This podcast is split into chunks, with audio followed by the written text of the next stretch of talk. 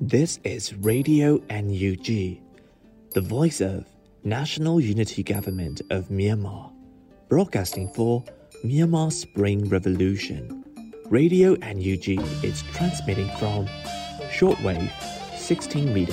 17.71 megahertz at 8 a.m. and 25 meter 11.965 megahertz at 8 p.m. Myanmar Standard Time. မင်္ဂလာပါခင်ဗျာအမျိုးသားညီညွတ်ရေးအစိုးရရဲ့အတန်လွင့်ဌာန Radio NUG ကိုမနက်၈နာရီမှာလိုင်းတို16မီတာ17.7 MHz ညပိုင်း၈နာရီမှာလိုင်းတို25မီတာ17.665 MHz တို့မှာဓာတ်ရိုက်ဖမ်းယူနားဆင်နိုင်ပါပြီမင်္ဂလာအပေါင်းနဲ့ပြည့်စုံကြပါစေအခုချိန်ကစပြီး Radio NUG အစီအစဉ်တွေကိုဓာတ်ရိုက်အတန်လွှင့်ပေးနေပါပြီ။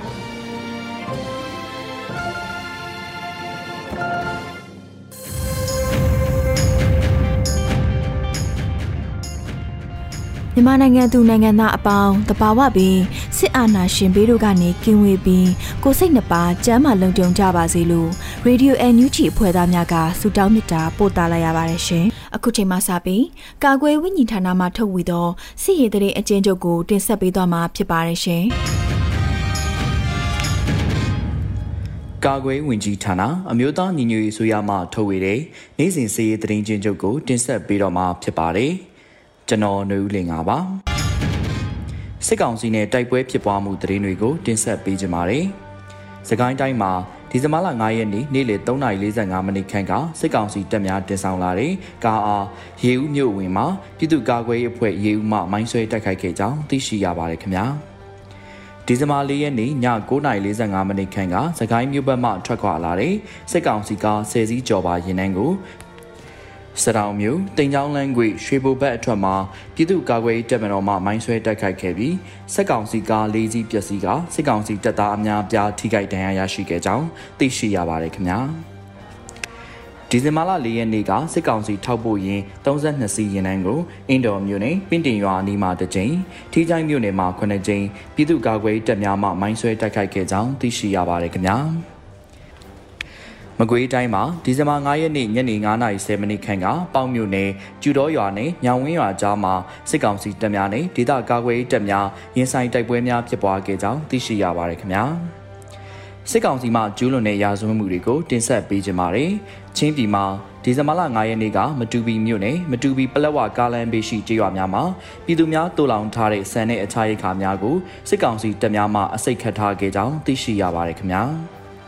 စကိုင်းတိုင်းမှာဒီဇင်ဘာလ၄ရက်နေ့ကကလေးမြို့နယ်မြစ်တာမြစ်ရှေ့ဘက်အိုးမြေထူရွာမှာစစ်ကောင်စီတပ်များမှပြည်သူပိုင်းလူနေအိမ်ကြီး18လုံးကိုမိရှို့ဖျက်ဆီးသွားခဲ့ပြီးကြားမင်းရွာကိုလည်းမှွေနောက်ဖျက်ဆီးသွားခဲ့ကြောင်းသိရှိရပါတယ်ခင်ဗျာ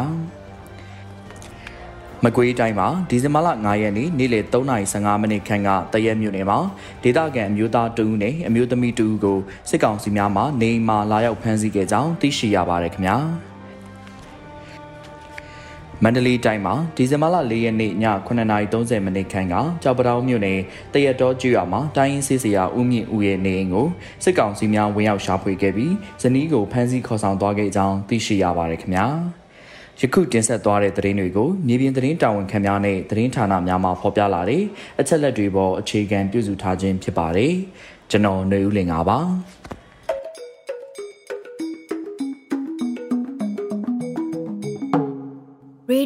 Radio NUG မှာဆက်လက်အသံလွှင့်နေပါတယ်။အခုဆက်လက်ပြီးပြည်တွင်းသတင်းများကိုຫນွေဦးမောင်မှတင်ဆက်ပေးမှာဖြစ်ပါရရှင်။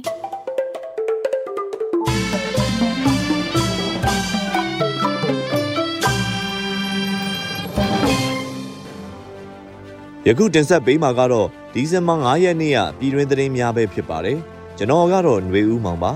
။သတင်းကောင်းစင်တွေကတော့ကြီးမနိုင်အကြမ်းဖက်မှုအပေါ်စစ်ကောင်စီတပ်ကိုပြင်းထန်စွာတုံ့ပြန်မယ်လို့ ရန်ကုန်စစ်ဒေသခွဲကြေညာခဲ့တဲ့တဲ့င်း။စကိုင်းတိုင်းမြို့နယ်၃မြို့နယ်ရှိစစ်ဘေးရှောင်များအစားအသောက်ဆေးဝါးများအကူအညီလိုအပ်နေတဲ့တဲ့င်း။ဗမော်မြို့ဖမ်းဆီးခံရတဲ့မိသားစု၃ဦးအနက်တဦးလွတ်မြောက်လာတဲ့တဲ့င်းတို့ပဲဖြစ်ပါတယ်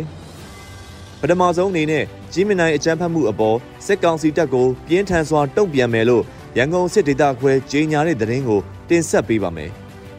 ဒီဇင်ဘာ9ရက်နေ့မနက်9:00နာရီခန့်မှာကြီးမြင့်နိုင်မြို့နယ်ပန်းမင်ကြီးလမ်းမှာငိမ့်ညမ်းစွာခြိတက်ဆန္ဒပြနေတဲ့ရန်ကုန်လူလူတပိတ်ကလူငယ်တွေကိုအကြမ်းဖက်စစ်ကောင်စီကလူမဆန်စွာကားဖြစ်တိုက်တနက်ဖြစ်ပစ်ခတ်ကအကြမ်းဖက်မှုကျူးလွန်ခဲ့ပါတယ်။အ ਨੇ ဆုံးလူငယ်၄ဦးကြဆုံးပြီး9ဦးခန့်ဖမ်းဆီးခံရခဲ့တယ်လို့သိရှိရပါတယ်။ အဲ့ဒီလိုအကြမ်းဖက်စစ်ကောင်စီတပ်မှအကြမ်းဖက်တဲ့အပေါ်ပြင်းထန်စွာတုံ့ပြန်သွားမယ်လို့အမျိုးသားညီညွတ်ရေးအစိုးရ NUG လက်အောက်ခံရန်ကုန်တိုင်းစစ်ဒေသကုတ်ကဲရေးအဖွဲ့ကထုတ်ပြန်ကြေညာလိုက်ပါတယ်။လက်နက်မပါသောအပြစ်မဲ့ပြည်သူများအပေါ်လူမဆန်မဲရက်ဆက်ရုံမာစွာတပ်ဖြတ်မှုကျူးလွန်ခဲ့ကြပြီးရင်းဖြစ်စဉ်ကိုအမိတ်ပေးညွှန်ကြားခိုင်းစေခဲ့တဲ့အချမ်းဖတ်စစ်တပ်နဲ့၎င်းတို့ရဲ့လက်ပါစီအားလုံးကိုပြင်းပြင်းထန်ထန်လက်တုပ်ပြန်သွားမယ်လို့ထုတ်ပြန်ချက်မှာဖော်ပြထားပါတယ်။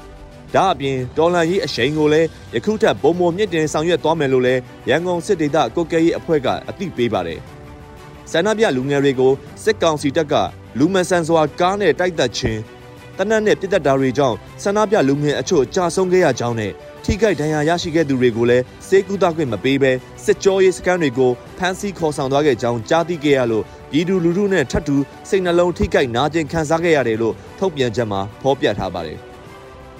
ဆက်လက်ပြီးစကိုင်းတိုင်းမြို့နယ်၃မြို့နယ်ရှိစစ်ပေးရှောင်များအစားအသောက်ဆေးဝါးများအကူအညီလိုအပ်နေတဲ့တဲ့တင်ကိုတင်ဆက်ပေးပါမယ်။စကိုင်းတိုင်းရေဦးမြို့နယ်ခင်ဦးမြို့နယ်နဲ့ဒီပဲရင်မြို့နယ်မှစစ်ရှောင်ပြည်သူများအစားအသောက်ဆေးဝါးများအရေးပေါ်လိုအပ်နေကြောင်းစစ်ရှောင်များအားကူညီပေးနေသူများထံမှတဆင့်သိရပါတယ်။တက်ဆွဲခံထားရတဲ့နီးတဲ့ရွာတွေလည်းဝင်စည်းတာခံထားရပါတယ်။ရွာပေါင်း18ရာရှိမယ်လူဦးရေက2000ကျော်မယ်ခုစောင်းဝင်လာပြီဆိုတော့ဖျားတဲ့သူလည်းများလာတယ်။ အဲဒါကြောင့်အစားတောင်းတဲ့ဆေးဝါးတွေပိုလိုအပ်တယ်လို့ခင်ဦးစစ်ဆောင်တွေကိုကူညီပေးနေသူတူကပြောပါတယ်စစ်ကောင်စီတပ်များတပ်ဆွဲထားသည့်အတွက်ရွာလုံးကျွတ်ထွက်ပြေးတိမ်းရှောင်နေတဲ့ဂျေးရွာတွေဟာပြင်ထောင်ဂျေးရွာရွာတစ်ကုံတဲကုန်းကြီးရွာများဖြစ်ကြောင်းသိရပါတယ်အဆိုပါဂျေးရွာများသည်ပြီးခဲ့တဲ့အောက်တိုဘာလဆန်းကနေပြီးရွာလုံးကျွတ်ထွက်ပြေးတိမ်းရှောင်နေရပြီးစစ်ပြေးနေရတာတလကျော်ရှိလာပြီဖြစ်ကြောင်းဒေသခံတအူးကပြောပါတယ်အလားတူရေဦးမြို့နယ်နဲ့တပန်ရင်မြို့နယ်တွင် စစ်ကောင်စီတပ်နဲ့ဒေသခံကာကွယ်ရေးတပ်များတိုက်ပွဲပုံမပြင်းထန်လာတဲ့အပြင်စစ်ကောင်စီတပ်တွေဟာဂျေးရွာနယ်လူနေအိမ်များမီးရှို့ဖျက်ဆီးမှုများပြုလုပ်နေတဲ့အတွက်ဂျေးရွာပေါင်း20ဝန်းကျင်နဲ့လူဦးရေ1000ခန့်စစ်ရှောင်နေရကြောင်းဒေသခံတွေစီကနေသိရပါတယ်။တနေ့တနေ့ရွာတဲကိုလိုက်မွေကြတယ်ပြီးတော့တွေ့ရလူတွေလည်းဖမ်းတယ်အဲ့တော့ဘယ်သူမှရွာထဲမနေရဲလာကြတော့ဘူးအများစုကထွက်ပြေးနေရပြီလို့ရေဦးဒေသခံတို့ကပြောပါတယ်ထို့အပြင်လက်ရှိစစ်ပေးရှောင်နေရတဲ့ဂျေးရွာတွေဟာ ပုံအင်တာနက်လိုင်းများအခက်အခဲရှိနေပြီးတိုက်ပွဲများဖြစ်နေသည့်နေရာများဖြစ်သည့်အပြင်သွာလာရေးပုံမခက်ခဲကြသည့်အတွက်အ धिक အစားအသောက်များဆေးဝါးများကူညီပေးကြရန်လဲဒေသခံများကပြောပါတယ်။စကိုင်းတိုင်းတွင်စစ်ကောင်စီဘက်မှနေစဉ်နဲ့အမျှပြည်သူတွေကိုဖမ်းဆီးတပ်ဖြတ်မှုများရှိနေတဲ့အပြင်နေရာဒေသအချို့တွင်လည်းတိုက်ပွဲများပြင်းထန်နေဆဲဖြစ်ပါတယ်။ဆက်လက်ပြီးဗမော်မျိုးကဖမ်းဆီးခံရသည့်မိသားစု၃ဦးအနက်တဦးလူမြောက်လာတဲ့တဲ့တင်ကိုတင်ဆက်ပေးပါမယ်။ ဗမော်မြို့ပေါက်ကုန်းရက်ကွက်မှဖမ်းဆီးခံထားရတဲ့မိသားစု၃ဦးအနက်ဖခင်ဖြစ်သူတဦးသာလွတ်မြောက်လာကြောင်းဒေသခံတွေစီကနေတဆင့်သိရပါတယ်။ဖမ်းသွားတာတော့တပတ်လောက်ရှိပြီး PDF ကိုထောက်ပံ့နေဆိုပြီးအတင်းအဓမ္မဆွဆွဲပြီးဖမ်းသွားတာအခုသူ့မိန်းမနဲ့သားကမလွတ်လာဘူး PDF ကိုထောက်ပံ့တယ်လို့တော့ဝန်ခံထားတယ်တဲ့သူ့ဖေတယောက်တည်းဒီနေ့လွတ်လာတယ်လို့ဒေသခံတဦးကပြောပါတယ်။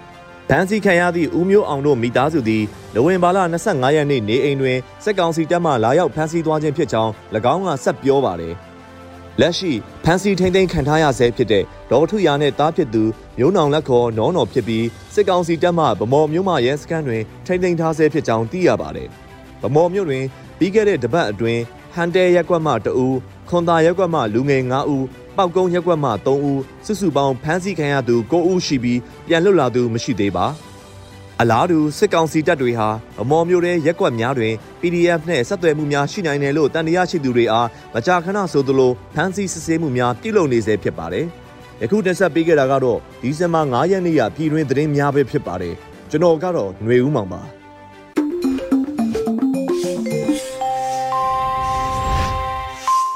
ပြည်ထောင်စုသမ္မတမြန်မာနိုင်ငံတော်အမျိုးသားညီညွတ်ရေးအစိုးရက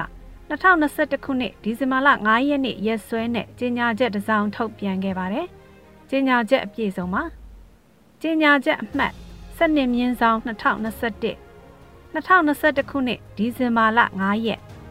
ငိမ့်ချမ်းစွာဆန္ဒဖော်ထုတ်သူများကို ကားဖြင့်တိုက်၍အကြမ်းဖက်ဖမ်းဆီးတပ်ဖြတ်မှုများနှင့်ပတ်သက်၍ထုတ်ပြန်ခြင်း1 2021ခုနှစ်ဒီဇင်ဘာလ9ရက်နေ့မနက်တွင်ရန်ကုန်တိုင်းဒေသကြီးကြည်မြနိုင်မြို့နယ်အတွင်း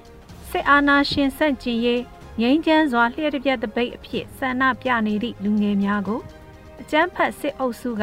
စစ်ကားဖြင့်အနောက်မှအလေးအငိုက်ဝင်ရောက်တိုက်ခိုက်ပြီးနောက်တနက်ဖြင့်ပြစ်ခတ်တပ်ဖြတ်အကြမ်းဖက်ခဲ့ပါသည်ထို့သောဖြိုခွင်းမှုကြောင့်ဆန္ဒပြလူငယ်အချို့ကြာဆုံးခဲ့ပြီး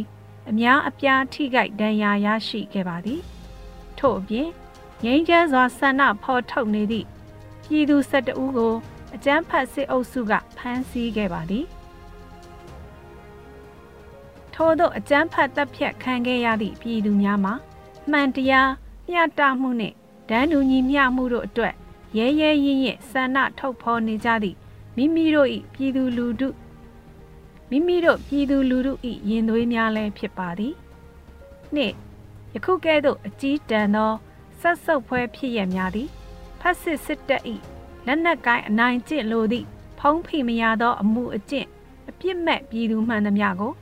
ကြိုက်တလို့တပ်ဖြတ်နိုင်သည်ဟုခံယူထားသည့်စစ်တပ်၏အင်မတန်နှိမ့်ကျလူကျင့်ဝတ်မဲမှု၏ပြရုပ်တစ်ခုဖြစ်ပါသည်အကျန်းဖတ်စစ်အုပ်စုသည်ထို့သောသောတတ္တိကြောင့်ပြီးရုပ်မာရိုင်းဆိုင်သည့်ပြစ်မှုမျိုးကိုကျူးလွန်ခဲ့သည်မှာ ယခုအကြိမ်သည် ပထမဆုံးအကြိမ်မဟုတ်ပါအောက်ဖော်ပြပါအဖြစ်အပျက်များသည်အမျိုးသားညီညွတ်ရေးအစိုးရလူအခွင့်အရေးဆိုင်ရာဝန်ကြီးဌာနကမှတ်တမ်းတင်ထားသည့်အလားတူဖြစ်စဉ်များဖြစ်ပါသည်ဖေဖော်ဝါရီလ29ရက်နေ့မြိတ်ဖေဖော်ဝါရီလ29ရက်နေ့ဗိတ်မြို့တွင်ဆန္ဒပြသူတဦးအကြမ်းဖက်စစ်အုပ်စုတပ်ဖွဲ့ကကားဖြင့်ဝင်တိုက်ပြီးဖမ်းဆီးခဲ့သည် မေလ2ရက်နေ့ရွှေဘိုမြို့တွင်ရွှေဘိုပင်မသပိတ်စစ်ကြောင်းလူစုနေစဉ်အကြမ်းဖက်စစ်အုပ်စုမှလူအုပ်ထဲသို့ကားဖြင့်ဝင်တိုက်ခဲ့ပြီးငိမ့်ချမ်းစွာဆန္ဒပြသူများကိုဖမ်းဆီးသွားသည်မေလ6ရက်နေ့မွန်ပြည်နယ်ချောင်းစုံမြို့နယ်တွင်ဆိုင်ကယ်တစ်စီးကိုအကြမ်းဖက်စစ်အုပ်စုတပ်ဖွဲ့မှကားဖြင့်တိုက်ခါဖမ်းဆီးခဲ့သဖြင့်ဆိုင်ကယ်စီးလာသူပြည်သူတဦးအသက်ဆုံးရှုံးခဲ့ရသည် မေလ22ရက်နေ့ ကချင်ပြည်နယ်မြစ်ကြီးနားမြို့နယ်တွင်ထင်ရှားသည့်ကချင်တက်ကြွလှုပ်ရှားသူနှစ်ဦးဖြစ်သောဒေါ်ဆိုင်နူပန်းနှင့်ဦးလွမ်းဆောင်အပါအဝင် လူငယ်သုံးဦးကိုအကြမ်းဖက်စစ်အုပ်စုတပ်ဖွဲ့ကတနက်ဖြင့်ပြစ်ကားဖြင့်တိုက်၍ဖမ်းဆီးသွားခဲ့သည်မေလ28ရက်နေ့မန္တလေးမြို့တွင်တန်ခါသမဂတပိတ်စစ်ကြောင်းကိုကားဖြင့်တိုက်ခါဖမ်းဆီးခဲ့သဖြင့်တန်ခါနှစ်ပါးဖမ်းဆီးခံခဲ့ရသည်ဧပြီလ15ရက်နေ့မုံရွာမြို့တွင် တပိတ်ကောင်းဆောင်ကိုဝေမိုးနိုင်ဦးဆောင်၍အာနာရှင်စန့်ကျင်ရေးဆိုင်ကယ်တပိတ်ပြုလုပ်နေစဉ်အကျန်းဖတ်စစ်အုပ်စုတပ်ဖွဲ့ကအရက်သားအိမ်စီးကားဖြင့်တစ်ဖက်ရင်ကျော်မှမောင်းနေလာကကားနှင့်တိုက်၍ဖမ်းဆီးခဲ့သည်ကိုဝေမိုးနိုင်ဆိုင်ကယ်လဲကျသွားသောအခါ၎င်းတပ်ဖွဲ့ဝင်များကားပေါ်မှဆင်း၍ဝိုင်းဝန်းရိုက်နှက်ခါဖမ်းဆီးခဲ့သည်ဇွန်လ6ရက်နေ့မန္တလေးမြို့တွင် လူငယ်3ဦးစီးနှင်းလာသည့်မော်တော်ဆိုင်ကယ်အားအကျန်းဖတ်စစ်အုပ်စုမှကားဖြင့်ဝင်တိုက်ခဲ့သဖြင့်လူငယ်2ဦးသေဆုံးခဲ့သည်ဇွန်လ16ရက်နေ့မန္တလေးမြို့တွင်မန္တလေးမဟာမိတ်တပ်ပေါင်းစုတပိတ်စစ်ကြောင်းလူစုနေကြစဉ်ဆန္ဒပြသူများ၏ဆိုင်ကယ်များကိုကားဖြင့်ဝင်တိုက်ခဲ့သဖြင့်ဆန္ဒပြသူအများအပြားထိခိုက်ဒဏ်ရာရခဲ့ကြသည်အောက်တိုဘာ2ရက်နေ့မန္တလေးမြို့တွင် မန္တလေးတန်ခတမကတပိတ်စစ်ကြောင်းကိုကားဖြင့်ဝင်တိုက်ပြီးဖမ်းဆီးခဲ့သဖြင့်တန်ငါ၅ပါးနှင့်ဆန္ဒပြပြည်သူ၃ဦးဖမ်းဆီးခံခဲ့ရသည်ထို့တနေ့တည်းမှာပင် LGBT အရေးတက်ကြွလှုပ်ရှားသူတဦးဖြစ်သောစူးရှရှင်တန်ကိုဆိုင်ကယ်မောင်းနေစဉ်အကျန်းဖက်စစ်အုပ်စုကကားဖြင့်တိုက်ခါဖမ်းဆီးခဲ့ပြီးစစ်ကြောရေးသို့ခေါ်ဆောင်သွားခဲ့သည်အော်တိုဘာလ18ရက်နေ့မန္တလေးမဟာအောင်မြေမြို့နယ်တွင် လူငယ်60ခန့်စုဝေး၍ဆီအာနာရှင်စန့်ကျင်ရေးဆန္ဒဖော်ထုတ်နေစဉ်အကျန်းဖက်စစ်အုပ်စုတပ်ဖွဲ့မှကားဖြင့်ဝင်တိုက်၍ဖြိုခွဲခဲ့ပြီးဆန္ဒပြသူ10ဦးကိုဖမ်းဆီးခဲ့သည်3ငိမ့်ချမ်းစွာဆန္ဒပြသူများကိုကားဖြင့်တိုက်၍တပ်ဖြတ်ခြင်းဖမ်းဆီးခြင်းသည်ငိမ့်ချမ်းစွာစုဝေးစီတန်းလှည့်လည်ခွင့်ဆိုသည့်လူအခွင့်အရေးကိုချိုးဖောက်ယုံသားမကအကြမ်းဖက်လုပ်ရဖြစ်သောကြောင့် ထိုလုပ်ရများအပေါ်ပြင်းထန်စွာရှုံချသည်၄ပြည်သူလူထု၏တရားဝင်အနှင်းချင်းခံထားရသည့်ပြည်ထောင်စုလွှတ်တော်ကိုစားပြုကော်မတီ CRPH နှင့်အမျိုးသားညီညွတ်ရေးအစိုးရ NUG တို့ကစစ်ကောင်းစီသည်အကြမ်းဖက်အဖွဲ့အစည်းဖြစ်ကြောင်းကြေညာထားပြီးဖြစ်သည်ထို့ကြောင့်အကြမ်းဖက်စစ်ကောင်စီ၏နိုင်ငံတကာရာဇဝတ်မှုကျူးလွန်မှုများနှင့်ပတ်သက်၍နိုင်ငံတကာခုံရုံးများတွင်အပြစ်ပေးစီရင်နိုင်ရန် ကြိုးပမ်းနေမှုအားယဉ်ကျေးသည့်လူအဖွဲ့အစည်းစံချိန်စံနှုန်းများကို လေးစားလိုက်နာသည့်နိုင်ငံတကာအတိုက်အဝန်းတစ်ခုလုံးကဝိုင်းဝန်းပူးပေါင်းလှုပ်ဆောင်ပေးကြရန်လိုအပ်သည်ထို့ပြင်အကြမ်းဖက်လုပ်ရများကျူးလွန်နေသည့်အကြမ်းဖက်စစ်ကောင်စီကိုအကြမ်းဖက်အဖွဲ့အစည်းများစန့်ကျင်ရေးဆောင်ရွက်ချက်များနှင့်အညီကင်တွယ်အရေးယူကြရန်တောင်းဆိုသည်ငါအကြမ်းဖက်စစ်ကောင်စီ၏အကြမ်းဖက်မှုများကို ပြည်သူများကအတိတရားရှိရှိဖြင့်ကာကွယ်ပိုင်ခွင့်ရှိသည်6လူအခွင့်အရေးချိုးဖောက်မှုတစ်ခုစီအတွက်ကျူးလွန်သူတဦးချင်းစီတိုင်းကိုအပြစ်ပေးအရေးယူနိုင်ရေးအတွက်အချက်အလက်အထောက်အထားများရှာဖွေခြင်းနိုင်ငံတကာရာဇဝတ်ခုံရုံးတရားရုံးများမှတဆင့်အရေးယူနိုင်ရန်စ조사ခြင်းဖြင့်တရားမျှတမှုကိုပြည်သူနှင့်လက်တွဲ၍ဖော်ဆောင်သွားမည်ဖြစ်ကြောင်းမြို့သားညီညွတ်ရေးအစိုးရကတန်နှိတ်ထံပြုသည်ခုနှစ် အဖိုးတန်လာတဲ့ပြည်သူတဦးတယောက်ချင်းစီရဲ့အသက်ပေါင်းများစွာကိုယခုလိုရက်ဆက်စွာတပ်ဖြတ်ခံနေရခြင်းပညာသင်ပြီးကိုဘဝတိုးတက်ရေးတိုင်းပြည်တိုးတက်ရေးစ조사ရမည်လူငယ်များလမ်းမော်ရင်ဆန္ဒပြရင်းတေကျေကြရခြင်းမိဝေးဖာဝေးလက်နက်ကိုင်းတော်လန်ရေးတိုက်ပွဲဝင်ရင်ပင်မဆင်းရဲခံကြရခြင်းမတရားဖန်ဆီးခံရကစစ်ကြောရေးတွင်ညှဉ်းပန်းနှိပ်စက်ခံရပြီးအသက်ဆုံးရှုံးခံရခြင်းများအလုံးအ မြန်ဆုံးအဆုံးသတ်နိုင်ရန်ကျွန်ုပ်တို့အားလုံးတွင်တာဝန်ရှိပါသည်ရှစ်ထို့ကြောင့်တရားမျှတမှုအတွက်လွတ်လပ်မှုအတွက်တိုင်းသားပြည်သူအလုံးတန်းတူညီမျှမှုအတွက်တောင်းဆိုနေသည့်ပြည်ရင်သွေးများကိုယခုကဲ့သို့လူမဆန်စွာရက်ဆက်တပ်ဖြတ်သည့်အကြမ်းဖက်စစ်အာဏာရှင်များအားအပီးတိုင်းအမြင့်ဖြတ်အဆုံးသတ်နိုင်စေရကျွန်ုပ်တို့၏နိုင်ငံအဝန်းတွင်ရှိသည့် ပြည်ရင်သွေးလူငယ်များနှင့်ပြည်သူတရက်လုံး၏ပေးဆက်ခဲ့ရမှုများဆက်လက်ပေးဆက်နေရမှုများလက်ဟတ်တမဖြစ်စေရန်အတွက်တမိုင်းကပေးသောတာဝန်ကိုဥထိတ်ရွက်စင်၍အဆုံးသက်ထိတိုက်ပွဲဝင်သွားမည်ဟုထက်လောင်းဂရိသစ္စာပြုအပ်ပါသည်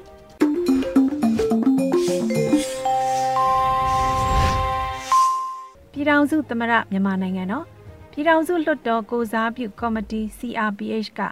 2021ခုနှစ်ဒီဇင်ဘာလ9ရက်နေ့ရက်စွဲနဲ့သဘောထားကြေညာချက်တစ်စောင်ထုတ်ပြန်ခဲ့ပါတယ်။ကြေညာချက်အပြည့်စုံမှာ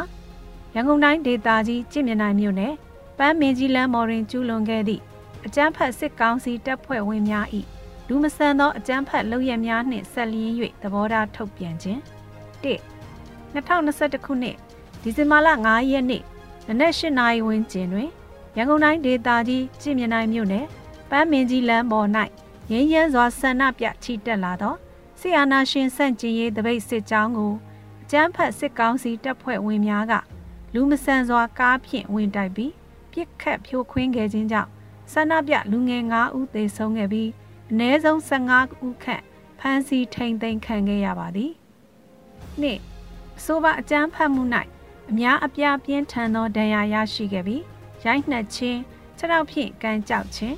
တနက်ရင်ဖြင့်ရိုက်နှက်ခြင်းများပြုလုပ်ခဲ့သည့်အပြင်ဆေးကုသခွင့်မရရှိဘဲစစ်ကြောရေးစခန်းများသို့ဖမ်းဆီးခေါ်ဆောင်သွားခဲ့သည့်လူမဆန်သောဖြစ်စဉ်နှင့်ပတ်သက်၍ပြည်သူလူထုတရက်လုံးနှင့်ထပ်တူများစွာဝမ်းနည်းကြေကွဲရပါသည်၃လွတ်လပ်စွာစုဝေးခွင့်လွတ်လပ်စွာဆန္ဒထုတ်ဖော်ခွင့်တို့သည် နိုင်ငံသားတို့၏အခြေခံအခွင့်အရေးတစ်ရပ်ဖြစ်ပြီးယခုကဲ့သို့အပြစ်မဲ့သောငြိမ်းချမ်းစွာဆန္ဒပြသူများအား ရည်ရွယ်ချက်ရှိရှိအကြမ်းဖက်ဆောင်ရွက်နေခြင်းသည်အပြည်ပြည်ဆိုင်ရာလူအခွင့်အရေးကြေညာစာတမ်း Universal Declaration of Human Rights ပါပြဋ္ဌာန်းချက်များကို လိုက်နာမှုမရှိဘဲပြောင်ပြောင်တင်းတင်းချိုးဖောက်နေခြင်းဖြစ်ပါသည်၄ယခုကဲ့သို့လူမဆန်သော ရာဇဝတ်မှုများကို နေ့စဉ်ရက်ဆက်ကျူးလွန်နေကြသည့်အကြမ်းဖက်စစ်ကောင်စီနှင့်လက်ပါစီများအားပြင်းပြင်းထန်ထန်ရှုံချပါကြောင်းနှင့်၎င်းတို့အား တန်တမန်ရေးနီးလန့်အပါဝင်လိုအပ်သည့်အရေးယူဆောင်ရွက်မှုများပြုလုပ်နိုင်ရေးပြည်ထောင်စုလွှတ်တော်ကိုစားပြုကော်မတီအနေဖြင့်နိုင်ငံတကာအတိုင်အဝန်နှင့်ဆက်သွဲဆောင်ရွက်လျက်ရှိပါကြောင်းသဘောထားထုတ်ပြန်အပ်ပါသည်ပြည်ထောင်စုလွှတ်တော်ကိုစားပြုကော်မတီ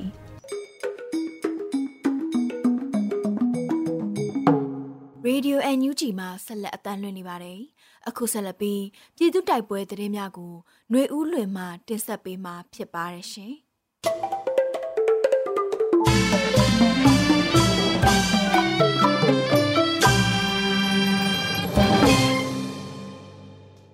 ။ပထမဆုံးအနေနဲ့ KNU တပ်မဟာ9နယ်မြေမှာစစ်ကောင်စီတပ်နဲ့ KNL အကြားဒီဇင်ဘာ3ရက်အတွင်းတိုက်ပွဲ10ကြိမ်ဖြစ်ပွားပြီးစစ်သား6ဦးသေဆုံး2ဦးဒဏ်ရာရတဲ့တဲ့ရင်ကိုတင်ဆက်ပေးမှာပါ။ ကရင်မျိုးသားအစည်းအရုံး KNU တပ်မဟာ9ဖာပွန်ခရိုင်တွင်းဝင်ရောက်လာတဲ့စစ်ကောင်စီတပ်နဲ့ကရင်မျိုးသားလူမျိုးရေးတပ်မတော် KNL ကြားဒီဇင်ဘာ1ရက်နေ့က3ရက်နေ့အထိတိုက်ပွဲ10ကြိမ်ဖြစ်ပွားပြီးစစ်ကောင်စီတပ်သား6ဦးသေဆုံးက2ဦးဒဏ်ရာရကြောင်း KNU မူတော်သတင်းစင်မှာသတင်းထုတ်ပြန်ထားပါတယ်။ ဒီဇင်ဘာလ၁ရက်နေ့မှာတိုက်ပွဲ၄ကြိမ်ဖြစ်ပွားခဲ့ပြီးစစ်ကောင်စီတပ်သား၄ဦးသေဆုံးက2ဦးဒဏ်ရာရကြောင်းဒီဇင်ဘာလ2ရက်နေ့မှာတိုက်ပွဲ2ကြိမ်ဖြစ်ပွားပြီးစစ်ကောင်စီတပ်သား2ဦးသေဆုံးကြောင်းဒီဇင်ဘာလ3ရက်နေ့မှာတိုက်ပွဲ၄ကြိမ်ဖြစ်ပွားပြီးစစ်ကောင်စီတပ်သား2ဦးသေဆုံးကြောင်းအဆိုပါတိုက်ပွဲများမှာ KNL ဘက်မှထိခိုက်ကြဆုံးမှုမရှိကြောင်းသိရပါတယ်။စစ်ကောင်စီဟာငြိမ်းချမ်းရေးနဲ့ Federal Democracy အုပ်ချုပ်ရေးစနစ်ကိုမလိုလားကြောင်းနဲ့တပတ်သက်ကြီးစိုးချယ်လဲအုပ်ချုပ်မှုကြောင့် ယခုကဲ့သို့နိုင်ငံအနှံ့နဲ့တိုင်းရင်းသားဒေသများမှာနေတိုင်းလိုလိုတိုက်ပွဲတွေဖြစ်ပွားနေရကြောင်း KNU မူတော်သတင်းစင်မှာရေးသားဖော်ပြထားပါတယ်။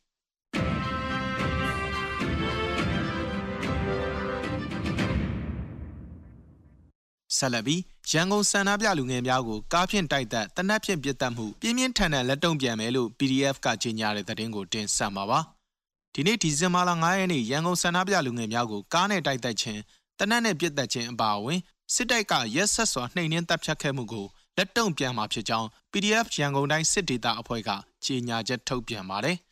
ရန်ကုန်တိုင်းဒေသကြီးကြည်မြနိုင်မြို့နယ်ပန်းမင်ကြီးလမ်းမပေါ်မှာဒီနေ့မနက်၈နာရီဝန်းကျင်အချိန်ကဆရာနာရှင်စန့်ကျင်ရေးငိမ့်ချမ်းစွာဆန္ဒပြချီတက်လာတဲ့လူငယ်များကိုအကြမ်းဖက်စစ်ကောင်စီတပ်များကလူမဆန်စွာကားဖြင့်တိုက်တက်ခြင်းတနက်ဖြင့်ပစ်တက်ခြင်းတို့ကြောင့်ဆန္ဒပြလူငယ်အချို့ကြာဆုံးခဲ့ရကြောင်းနဲ့၎င်းဖြစ်စဉ်မှာထိခိုက်ဒဏ်ရာရရှိခဲ့သူများကိုလည်း စေကူတာခွင့်မပေးဘဲစစ်ကြောရေးစခန်းများသို့ဖမ်းဆီးခေါ်ဆောင်သွားခဲ့ကြောင်းကြားသိရတာကြောင့်ပြည်သူလူထုနဲ့ထပ်တူစိတ်နှလုံးထိခိုက်နာခြင်းခံစားရကြောင်း PDF ရဲ့ထုတ်ပြန်ချက်ထဲမှာဖော်ပြထားတာပါဒီလိုငြိမ်းချမ်းစွာဆန္ဒထုတ်ဖော်ခဲ့ကြတဲ့လက်နက်မပါတဲ့အပြစ်မဲ့ပြည်သူများအပေါ်လူမဆန်မဲ့ရက်ဆက်ရုံမှစာတပ်ဖြတ်မှုကျူးလွန်ခဲ့ကြပြီးရင်းဖြစ်စဉ်ကိုအမိန်ပေးညွှန်ကြားစေခိုင်းခဲ့တဲ့အကြမ်းဖက်စစ်တပ်နဲ့၎င်းတို့ရဲ့လက်ပါစီအလုံးကိုပြင်းပြင်းထန်ထန်လက်တုံ့ပြန်သွားမှာဖြစ်ကြောင်းနဲ့ တော်လန်ရေးအချိန်ကိုယခုထက်ပိုမိုမြင့်တင်ဆောင်ရွက်သွားမှာဖြစ်ကြောင်းရန်ကုန်တိုင်းစစ်ဒေသကုတ်ကဲရေးအဖွဲ့ကထုတ်ပြန်ကြေညာထားတာပါ။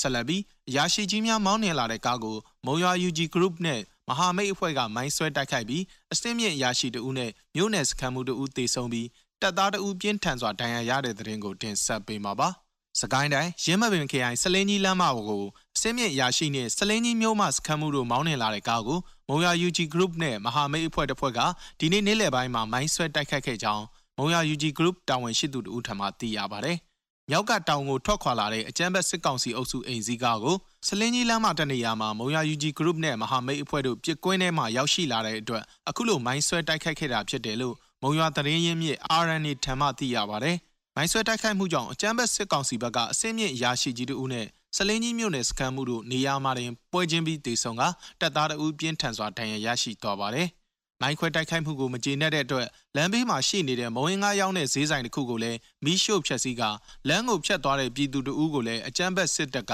ပစ်တက်ခဲ့တယ်လို့သိရပါတယ်။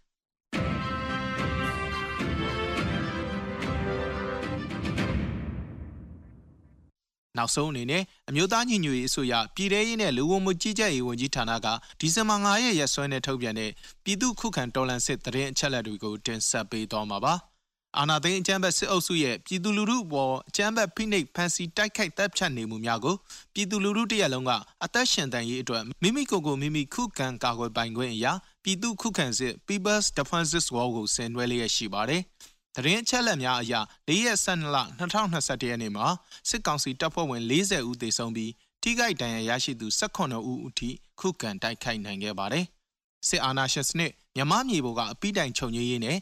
ဖက်ဒရယ်ဒီမိုကရေစီတည်ဆောက်ရေးအတွက်ငြိမ်းချမ်းစွာဆန္ဒပြတဲ့လူလူတပိတ်တိုက်ပွဲကြီးများကလည်းပြည်내နဲ့တိုင်းဒေသကြီးများမှာဖြစ်ပွားပေါ်ပေါက်လျက်ရှိပါတယ်။မြေပြင်မှာယခုတွေ့ရတဲ့သတင်းအချက်အလက်များထက်ပို၍ဖြစ်ပွားနိုင်ပါတယ်ခင်ဗျာ။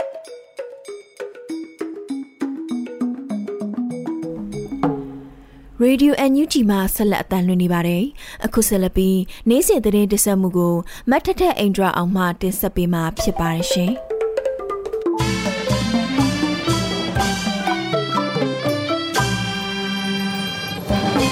အခုပထမအဆုံးအနေနဲ့အကြမ်းဖက်စစ်ကောင်စီရဲ့ပြည်သူတွေအပေါ်ဆွရွားစွာကျူးလွန်ထားမှုတွေကိုနိုင်ငံတကာအတိုင်းအဝန်ကသိစေရန်ပုံစံမျိုးစုံနဲ့လှုံ့ဆော်နေတယ်လို့ကုလသမဂ္ဂကြီးဦးကျော်မိုးထွန်းပြောကြားလိုက်တဲ့သတင်းကိုတင်ဆက်ပေးပါမယ်။ အကြမ်းဖက်စစ်ကောင်စီကပြည်သူတွေကိုအကြောင်းမဲ့တပ်ဖြတ်တာဖမ်းဆီးတာတွေလုပ်နေတဲ့အပြင်လူ့အခွင့်အရေးကိုလည်းဆွဆွေရွာကျူးလွန်ဖောက်ဖျက်မှုတွေလုပ်နေတာကိုနိုင်ငံတကာအတိုင်းအဝန်ကသိရှိစေဖို့အတွက်နှီးမျိုးစုံပုံစံမျိုးစုံနဲ့လှုပ်ဆောင်နေတယ်လို့မြန်မာနိုင်ငံဆိုင်ရာကုလတန်အမတ်ကြီးဦးကျော်မိုးထွန်းက BBC သတင်းဌာနနဲ့အင်တာဗျူးမှာထည့်သွင်းပြောကြားလိုက်တာပါ။ တာမကြီးဦးကျော်မိုးထွန်းကကျွန်တော်တို့မြန်မာနိုင်ငံမှာပြည်သူတွေခံစားနေရတဲ့အထူးသဖြင့်လူအခွင့်အရေးဆိုးရွားစွာခံစားနေရတဲ့ကျူးလွန်ထားတဲ့လူအခွင့်အရေးချိုးဖောက်မှုတွေကိုနိုင်ငံတကာကသိအောင်တော့ကျွန်တော်ပုံစံမျိုးစုံနဲ့ပေါ့ကျွန်တော်ဒီဘက်မှာလဲနှုတ်နဲ့ပြောတာစာနဲ့ရေးရပဲအာတန်တဲ့အတွက်ကြောင့်နှုတ်နဲ့ပြောပြီးတော့စာနဲ့ရေးအတိပေးတာတွေတော့ကျွန်တော်အရင်လုပ်တဲ့အတိုင်းပဲဆက်ပြီးတော့ဆောင်ရွက်သွားဖို့ရှိပါမယ်လို့ပြောကြားခဲ့တာပါ။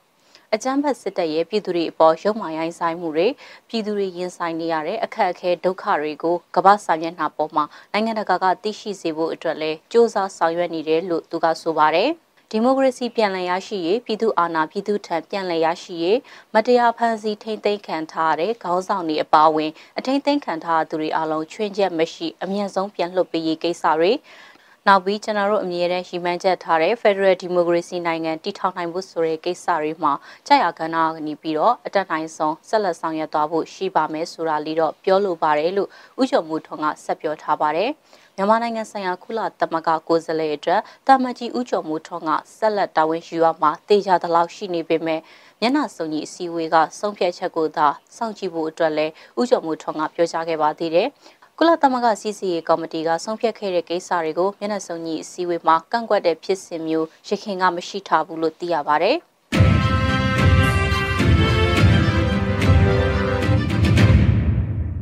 ဆလပီအချမ်းဖက်စစ်ကောင်စီတပ်ကရန်ကုန်လူထုတပိတ်စစ်ကြောင်းကိုကားနဲ့အရှင်ပြင်းပြင်းဝင်တိုက်ပြီးပြစ်ခတ်ဖြိုခွဲတာကြောင့်ဆန္ဒပြလူငယ်၄ဦးကြာဆုံးပြီး၁၇ဦးခန့်ဖမ်းဆီးခံခဲ့ရတဲ့တဲ့တင်ကိုတင်ဆက်ပေးချင်ပါတယ်။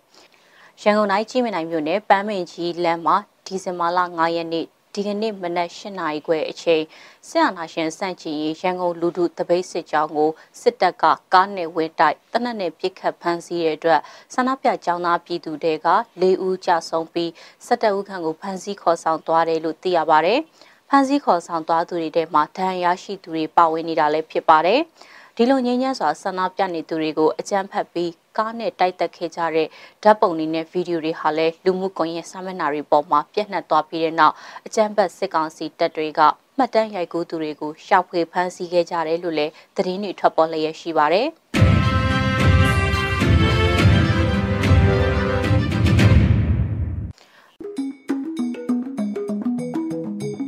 ဒီကနေ့ကတော့ဒီညနေပဲ Radio NUG ရဲ့အစီအစဉ်တွေကို ခਿੱတရနာလိုက်ပါမယ်။မြမစံတော်ချိန်မနက်၈နာရီနဲ့ညနေ၈နာရီအချိန်တွေမှာပြန်လည်ဆုံတွေ့ကြပါစို့။ Radio NUG ကိုမနက်၈နာရီမှာလိုင်းတို16မီတာ7.3 MHz ညပိုင်း၈နာရီမှာလိုင်းတို25မီတာ17.665 MHz တို့မှာဓာတ်ရိုက်ဖမ်းယူနားဆင်နိုင်ပါပြီ။မြန်မာနိုင်ငံသူနိုင်ငံသားများကိုစိတ်နှပြကျန်းမာချမ်းသာလို့ဘေးကင်းလုံခြုံကြပါစေလို့ Radio NUG အဖွဲ့သူအဖွဲ့သားများက ဆုတောင်းလိုက်ရပါတယ်။အမျိုးသားညီညွတ်ရေးအစိုးရရဲ့စက်သွယ်ရေးတရင်အချက်အလက်နဲ့ဤပညာဝန်ကြီးဌာနကထုတ်လွှင့်နေတဲ့ Radio NUG ဖြစ်ပါတယ်။ San Francisco Bay Area အခြေစိုက်မြန်မာမိသားစုများနဲ့နိုင်ငံတကာကစေတနာရှင်များလှူအားပေးများရဲ့ Radio NUG ဖြစ်ပါတယ်။အရေးတော်ပုံအောင်ရမည်။